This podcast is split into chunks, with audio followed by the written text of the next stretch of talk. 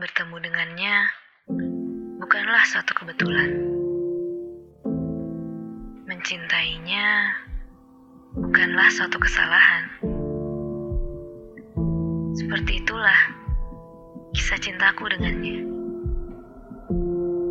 Tapi ada tembok tinggi yang memisahkan antara aku dengan dirinya. Iya, kami berbeda agama. Aku diperkenalkan dengan dia untuk pertama kali oleh teman baikku yang kebetulan merupakan saudara iparnya. Awalnya kami hanya berteman dengan ngobrol via telepon atau video call. Lambat laun, tanpa aku sadari, hati ini tertaut dengannya. Betapa senangnya diriku ketika mengetahui bahwa ternyata dia merasakan hal yang sama. Namun, aku mengkhawatirkan perbedaan iman antara kami. Dia meyakinkanku bahwa itu bukanlah masalah.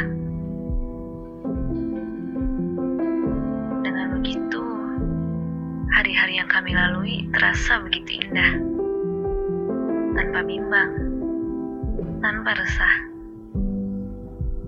Sampai-sampai aku akrab dengan keluarganya. Sempat aku diundang oleh orang tuanya hanya untuk menginap di rumahnya. Aku berharap dapat menua bersama dengannya. Semua itu dapat aku gapai jika saja tidak ada tembok yang menghalangi kita. Rencana hidup kami pupus.